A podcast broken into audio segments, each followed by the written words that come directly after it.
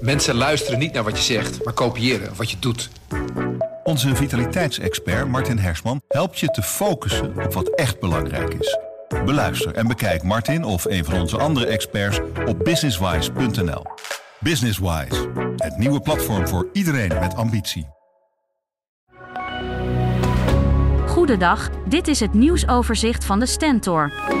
Minister Kaag van D66 is zondagmiddag door een groep van ongeveer 20 demonstranten opgewacht toen ze een politieke bijeenkomst in Diepenheim wilden bezoeken. Volgens getuigen en organisator Hans Verbeek was het ronduit intimiderend. Het zou zijn gegaan om boeren en complotdenkers. Geheime documenten over de bestuurscrisis in Ermelo zijn toch opgedoken. De gemeente had ze niet, zei ze bij de rechter. Maar toen Ermelo extra goed ging zoeken, zijn ze toch gevonden. De rechter vindt dat de stukken openbaar moeten worden. Ermelo heeft daar geen oren naar. Bij grondwerkzaamheden is vanochtend in Nunspeet een gasleiding geraakt. De omgeving in de buurt van de Jumbo is afgezet, de winkel is ontruimd.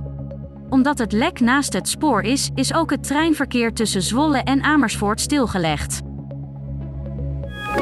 Studenten zijn radeloos nu een leverancier van studieboeken uit Kampen per direct is gestopt vanwege de puinhoop binnen het bedrijf.